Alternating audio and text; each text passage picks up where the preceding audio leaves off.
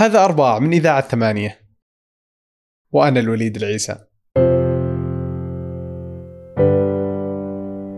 تخيل كيف تبدو هي الحياة خارج وطنك وبعيد عن أقاربك ومع ظروف مثل ظروف اليوم وباء عالمي وفي شهر رمضان.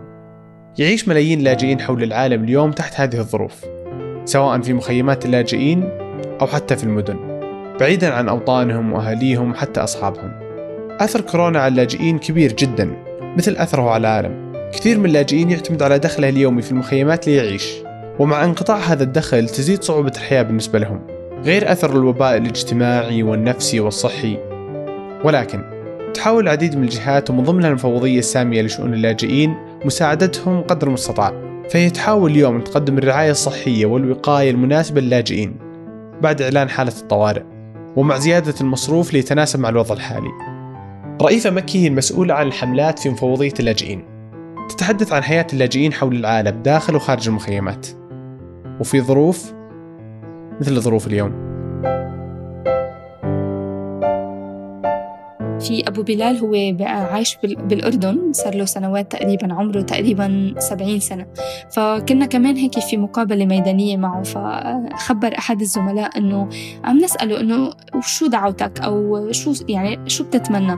فقال تخيل إنه قال دعوتي إنه تفتح المساجد من جديد فلا حياة لي غير في خطواتي إليه وما لي صحب غير جماعته فتخيل إنه هيدا يعني بس هيك جزء بسيط أو مثل إنه آه، صورة بسيطة من بس أحلام اللاجئين أو دعواتهم. بالفعل يعني إذا عن جد في الكثير من الأحيان كل ما آه، يملك اللاجئين هو فقط الدعاء آه، بمستقبل أفضل بحياة أفضل بأيام أفضل. حتى في كثير من الأوقات يمكن ما عندهم القدرة إنه يشوفوا للمستقبل البعيد فبيدعوا بس الأيام الجاية إنه تكون هي أفضل. يعني هو مجرد ما أي شخص آه، فينا بيقدر يحط حاله ولو لدقيقة واحدة مكان اللاجئ يمكن بيقدر يتخيل شو معنات إنه شخص يضطر إنه يترك بيته يضطر إنه يترك رزقه يضطر إنه يترك أهله وكل ما يملك أو كل ما عزيز عليه بشكل قسري بشكل مجبر إنه هو يكون بسبب حروب أو نزاعات أو آه، خلافات هو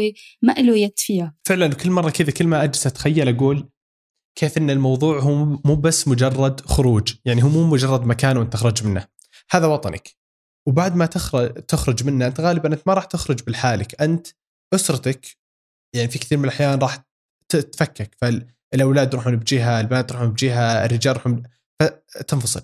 وفي حالة الخروج كثير من الأحيان تكون امرأة كبيرة معها بناتها معها يعني لو إنهم ما خرجوا كان الوضع بيكون عليهم صعب لأنه مثلا تفرقت الأسرة.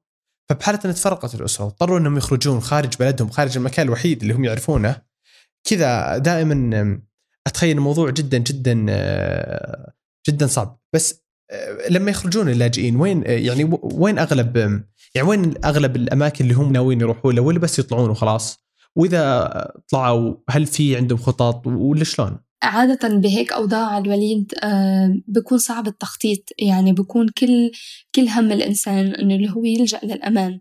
يعني بنعرف نحن بحسب آه، هرم آه، ماسلو أول شيء الشخص بيبحث عن الأمان أو الأمن بشكل عام. وهيدا أكيد بالفطرة الإنسانية نحن أول شيء بنقدر نبحث عنه بهيك ظروف إنه نحن نلجأ للأمان. صح. فلهذا يعني ما بيكون في يمكن مجال للتخطيط. وهذا الشيء اللي بنقوم فيه بمفوضية اللاجئين. نحن عملنا بيبدأ من أول ما يوصل للاجئ لحتى نستقبله بكل المساعدات المهمة. وأول حاجة بنقدمها هي المأوى. إنه يكون في سقف فوق راسه وفوق راس عائلته هذا الشيء بيكون أمرار يمكن ببعض الأوقات بيكون خيمة بس بهيدا الوقت الخيمة بتكون هي شايفها يمكن قصر. حتى اللاجئ اللي بيكون آه، موجود لفترة معينة أو لسنوات معينة خارج آه، بلده هو بيكون آه، أصعب ما يمر به هو المجهول. لا يعرف مصيره. أي متى رح يرجع بلده؟ شو رح يصير؟ أي متى رح يشوف أهله؟ وهيدا هيدا يمكن من أصعب الأمور اللي نحن يمكن ما كتير بنفكر فيها كأشخاص بالشخص الثاني إنه أنت ما عندك القدرة تعرف شو مصيرك. وهيدا عد المجهول. أو عدم آه، قدرة على إنه إنك تشوف المستقبل. نحن يمكن كأشخاص عاديين بنشوف إنه عندنا تخطيط لسنة أو بعدين وبنرجع بنكون عم نحمل هم إنه شو بده يصير بحياتنا. بس كيف حال اللاجئ اللي هو ليس لديه أي آه، قدرة إنه يقرر مصيره؟ فهذا شيء نقطة كتير صعبة. طيب آه، يعني من هنا يعني على طاري المخيمات والمكان أتصور إنه يعني مثلا مخيم مثل مخيم الزعتري هو آه، مشغل من ال- مشغل من الفوضية بالتعاون مع حكومة الأردن صح؟ صحيح كيف هي الحياة داخل المخيم؟ يعني أنا من من الأشخاص اللي شهدوا على تطور مخيم الزعتري بشكل آه، من من بداية إنشائه لهلأ لحد الآن وبالفعل يعني آه، أصبح آه، مخيم ال- الزعتري يعني مقصد للكثير من الإعلاميين وال- والأشخاص اللي هن بهم بهمهم يعرفوا شو في هيدا المخيم اللي هو يعني واحد من أكبر المخيمات اللاجئين في العالم. آه، هو بيستضيف حوالي 80 ألف لاجئ. آه، بدأ بخيم إنشاء خيم. بسيطة جدا. وتطور بعدين ليصبح أن يعني أصبح هناك كرفانات هلأ ما في خيم أبدا على يعني الخيم ال- المتعارف عليه كخيمة. صار هناك كرفانات أمنتها المفوضية بالتعاون مع كتير شركاء وأكيد مع الحكومة الأردنية. فداخل مخيم الزعتري الحياة أصبحت جدا مختلفة عن أي مخيم تاني في العالم. شوارع آه، مليئة بالمحلات اللي افتتحها اللاجئين داخل واو. المخيم.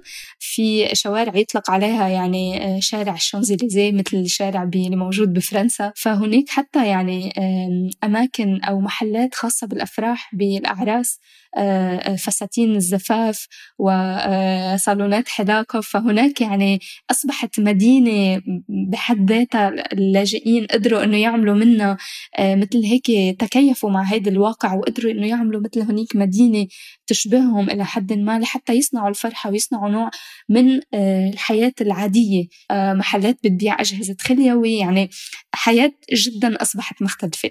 أكيد بضل في هنيك معاناة آه، معينة إنه هن حياتهم صعبة ما بيقدروا يطلعوا وقت اللي بدهم بعيدين عن كل يعني كل عائلة موجودة بالزعترة أكيد هي عائلة أسرة مفككة إلى حد ما. في عيال أكيد موجودة بكاملها وفي عيال معظم العيال اللي ممكن تلتقى فيهم هي آه، أولادهم في مكان معين مم. أهاليهم في مكان معين بس بالفعل يعني حياة في. في مخيم الزعتري هي يعني حياة مثيرة للاهتمام وأكيد بس يمكن اللافت في الموضوع والناس ما كتير بتعرفه الغالبية العظمى من اللاجئين لا تعيش داخل مخيمات تعيش في مناطق حضرية في مدن وهذا الأمر بينطبق على الأردن ولبنان. يعني في الأردن تقريبا أكثر من خمس بالنسبة بنسبة 75 ل 80% من اللاجئين يعيشون في المدن. يعني يدفعون تكاليف إيجار وتكاليف آه، آه، العادية لأي شخص ممكن يتكف يتكفل فيها.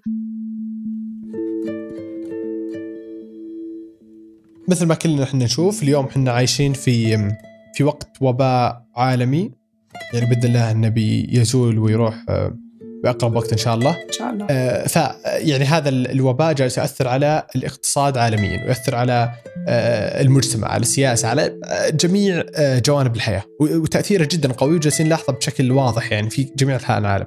غير انه بعد الوباء إحنا الحين في رمضان فعندنا شيئين كيف اللاجئين جالسين يعيشون اليوم حول العالم مع الوباء ومع آه، رمضان؟ رمضان بشكل عام أكيد اللاجئين كل سنة بيحتفلوا برمضان. آه، يعني بالنسبة لهم رمضان يعتبر. مثل نوع من ال- الإرث الثقافي والأكيد الديني طبعا اللي هو حوالي تقريبا 60% من إجمالي عدد النازحين قسرا حول العالم. هن يأتون من دول أعضاء في منظمة التعاون الإسلامي.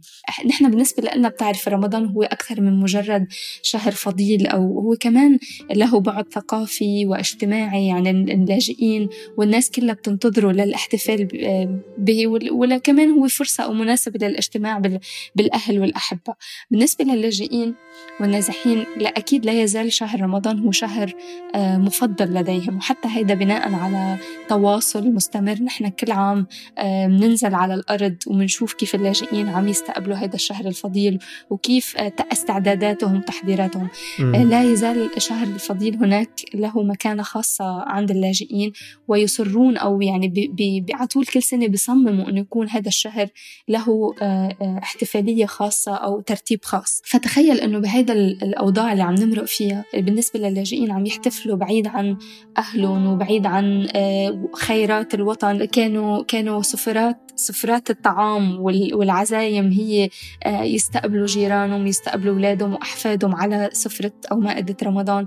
بينما هلأ في حال اللجوء أصبح القليل يعني من يعني أمرار هن مضطرين إنه يضحوا بوجبة طعام آه، آه، متعددة أو أصناف متنوعة بس لحتى يكونوا عم بوفروا جزء من هيدا المال أو النقود اللي رح يصرفوها لحتى يحطوها لأجار البيت مثلا أو ليدفعوا تكاليف تانية. غير إنه هلأ الوضع الحالي مع آه، وباء كورونا يعني بمخيم الزعتري مضطرين إنه ما يكون في مشهد اللي تعودوا عليه بالنسبة للسنين الماضية إنه كان هيدا بالنسبة لهم عزاء بالنسبة لهم أو طريقة لأنه هن يحتفلوا بعيد عن وطنهم أنه هن يجتمعوا على مائدة الإفطار العائلات مع بعضها يكون في إفطار جماعي لحد ما. بينما هلأ بأزمة كورونا هناك ضرورة أنه هن يكونوا عم يعزلوا أنفسهم. وهلأ إذا بتلاحظ إنه في أصبح هناك جيرة ومودة لمدة تسع سنين تقريبا بين العائلات اللاجئه اللي صارت عايشة جنب بعضها بلبنان أو بالأردن أو بغير بلاد. هيدا الشق الاجتماعي اللي هو صار أصعب هلأ. وفي هناك شق اقتصادي صعب كتير لأنه معظم اللاجئين اللي كانوا يعتمدوا على أجر اليومي توقف عملهم. يعني هناك أكيد في آه، أنواع من الوظائف أو الأشغال اللي كانوا يطلعوا منها آه، مردود مادي لو بسيط كان يساعدهم غير المساعدات الإنسانية اللي بتقدمها المفوضية والمنظمات الإنسانية التانية. فهذا المردود اليومي توقف.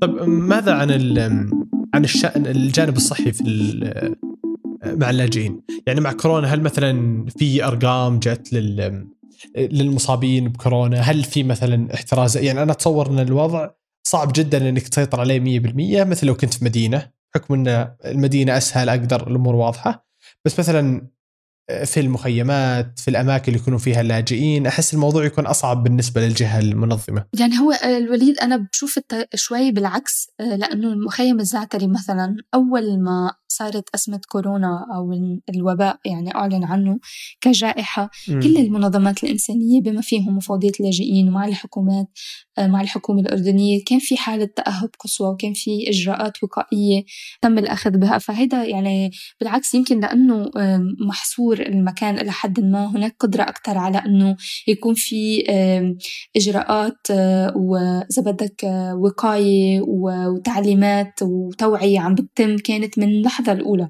فهذا الشيء الحمد لله لحد الآن ما في انتشار للوباء بين اللاجئين آه، أو النازحين ولا وليس هناك أي معلومات مؤكدة أنه في انتشار للوباء بين المجتمعات اللاجئة أو النازحة. وهذا يعني أكيد يعود الفضل أكيد الحمد لله بالدرجة الأولى.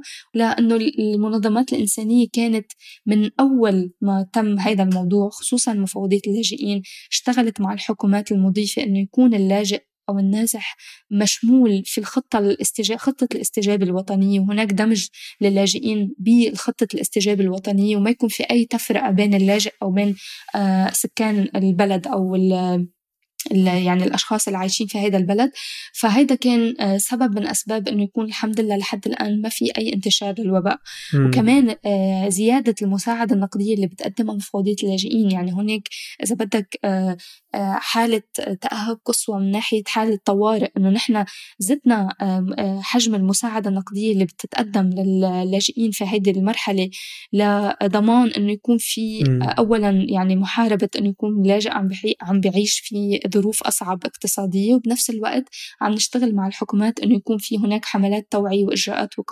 وقائية وتأمين مستلزمات النظافة وبنفس الوقت كمان مفوضية اللاجئين عم تقدم للحكومات المساعدات الطبية اللازمة لضمان إنه يكون آه، اللاجئين والمجتمع المضيف بأمان. طيب وبالنسبة ل يعني مفوضيه اللاجئين وش يعني وش الاختلافات اللي جالسة تصير لما يجي شيء مثل كورونا أو مثلا شيء مثل رمضان شيء كذا معتاد إنه يجي سنوي. هل في شيء يختلف بالعمل عندكم؟ آه بالنسبة لرمضان نحن كل يعني كل عام بيكون عندنا حملة خاصة بشهر الفضيل خصوصا من ناحية القطاع الخاص يعني كشركات مع القطاع الخاص لأنه بنعرف الشهر الفضيل هو شهر العطاء وهناك اهتمام من قبل الناس أنه هن يساعدوا بهذا الشهر. فنحن أكيد بشهر رمضان بيكون في هناك تكثيف للمساعدات الإنسانية. يعني حتى بالنسبة للشخص العادي الوليد أنه نحن مصروفنا بشهر رمضان بيزيد. يعني مصروف العائلات بتزيد من ناحية أكيد أنه لازم دائما مائدة الإفطار تكون غنية بكل شيء. هناك أكثر كمان مصاريف تتعلق بشهر رمضان مختلفة. م. يعني حتى إذا بدي أعطيك مثل كتير آه، أثر فيي أنا شخصيا في لاجئين بعدهم بيأدوا واجب الزكاة خلال رمضان. تخيل إنه من هيدي المساعدة البسيطة اللي بتوصلهم أو المساعدات اللي بتجيهم هناك ادخار لو جزء بسيط في لاجئين بيأدوا فريضة الزكاة لحد الآن. فتخيل قد إيه هيدا يعني هيدا دليل أو مثل بقول لك عن جد قد إيه إنه بعد اللاجئين بيصرون على أنه تكون عادات رمضان أو عادات العطاء بالنسبة لهم هو لا يختلف عن أي شخص آخر. مثل ما في هنيك أشخاص آه، خيرين وداعمين وأسخياء بيعطوا خلال شهر الفضيل كمان اللاجئ كريم جدا. آه، غير إنه موضوع الزكاة يعطي كل يوم يمكن جاره آه، صحن صحن أكل معين بيكون في تبادل لهيدي الأصناف المتنوعة. فمصروف اللاجئين بزيد أكثر وبنفس الوقت عطاء الداعمين والأشخاص بهيدا الشهر الفضيل بزيد أكثر فنحن كمان بنكثف المساعدات الإنسانية في رمضان وكل سنة بنطلق حملة حملة تبرعات أكيد معينة لهيدا الشهر الفضيل.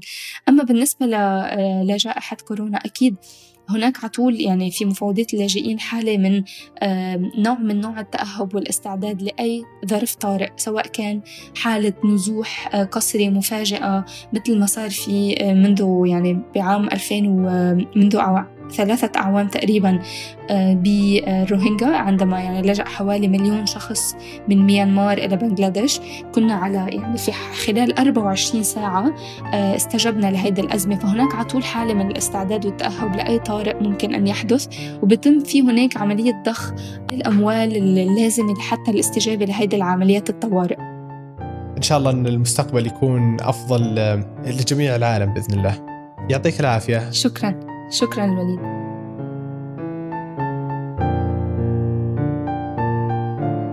موعدنا الأربعاء.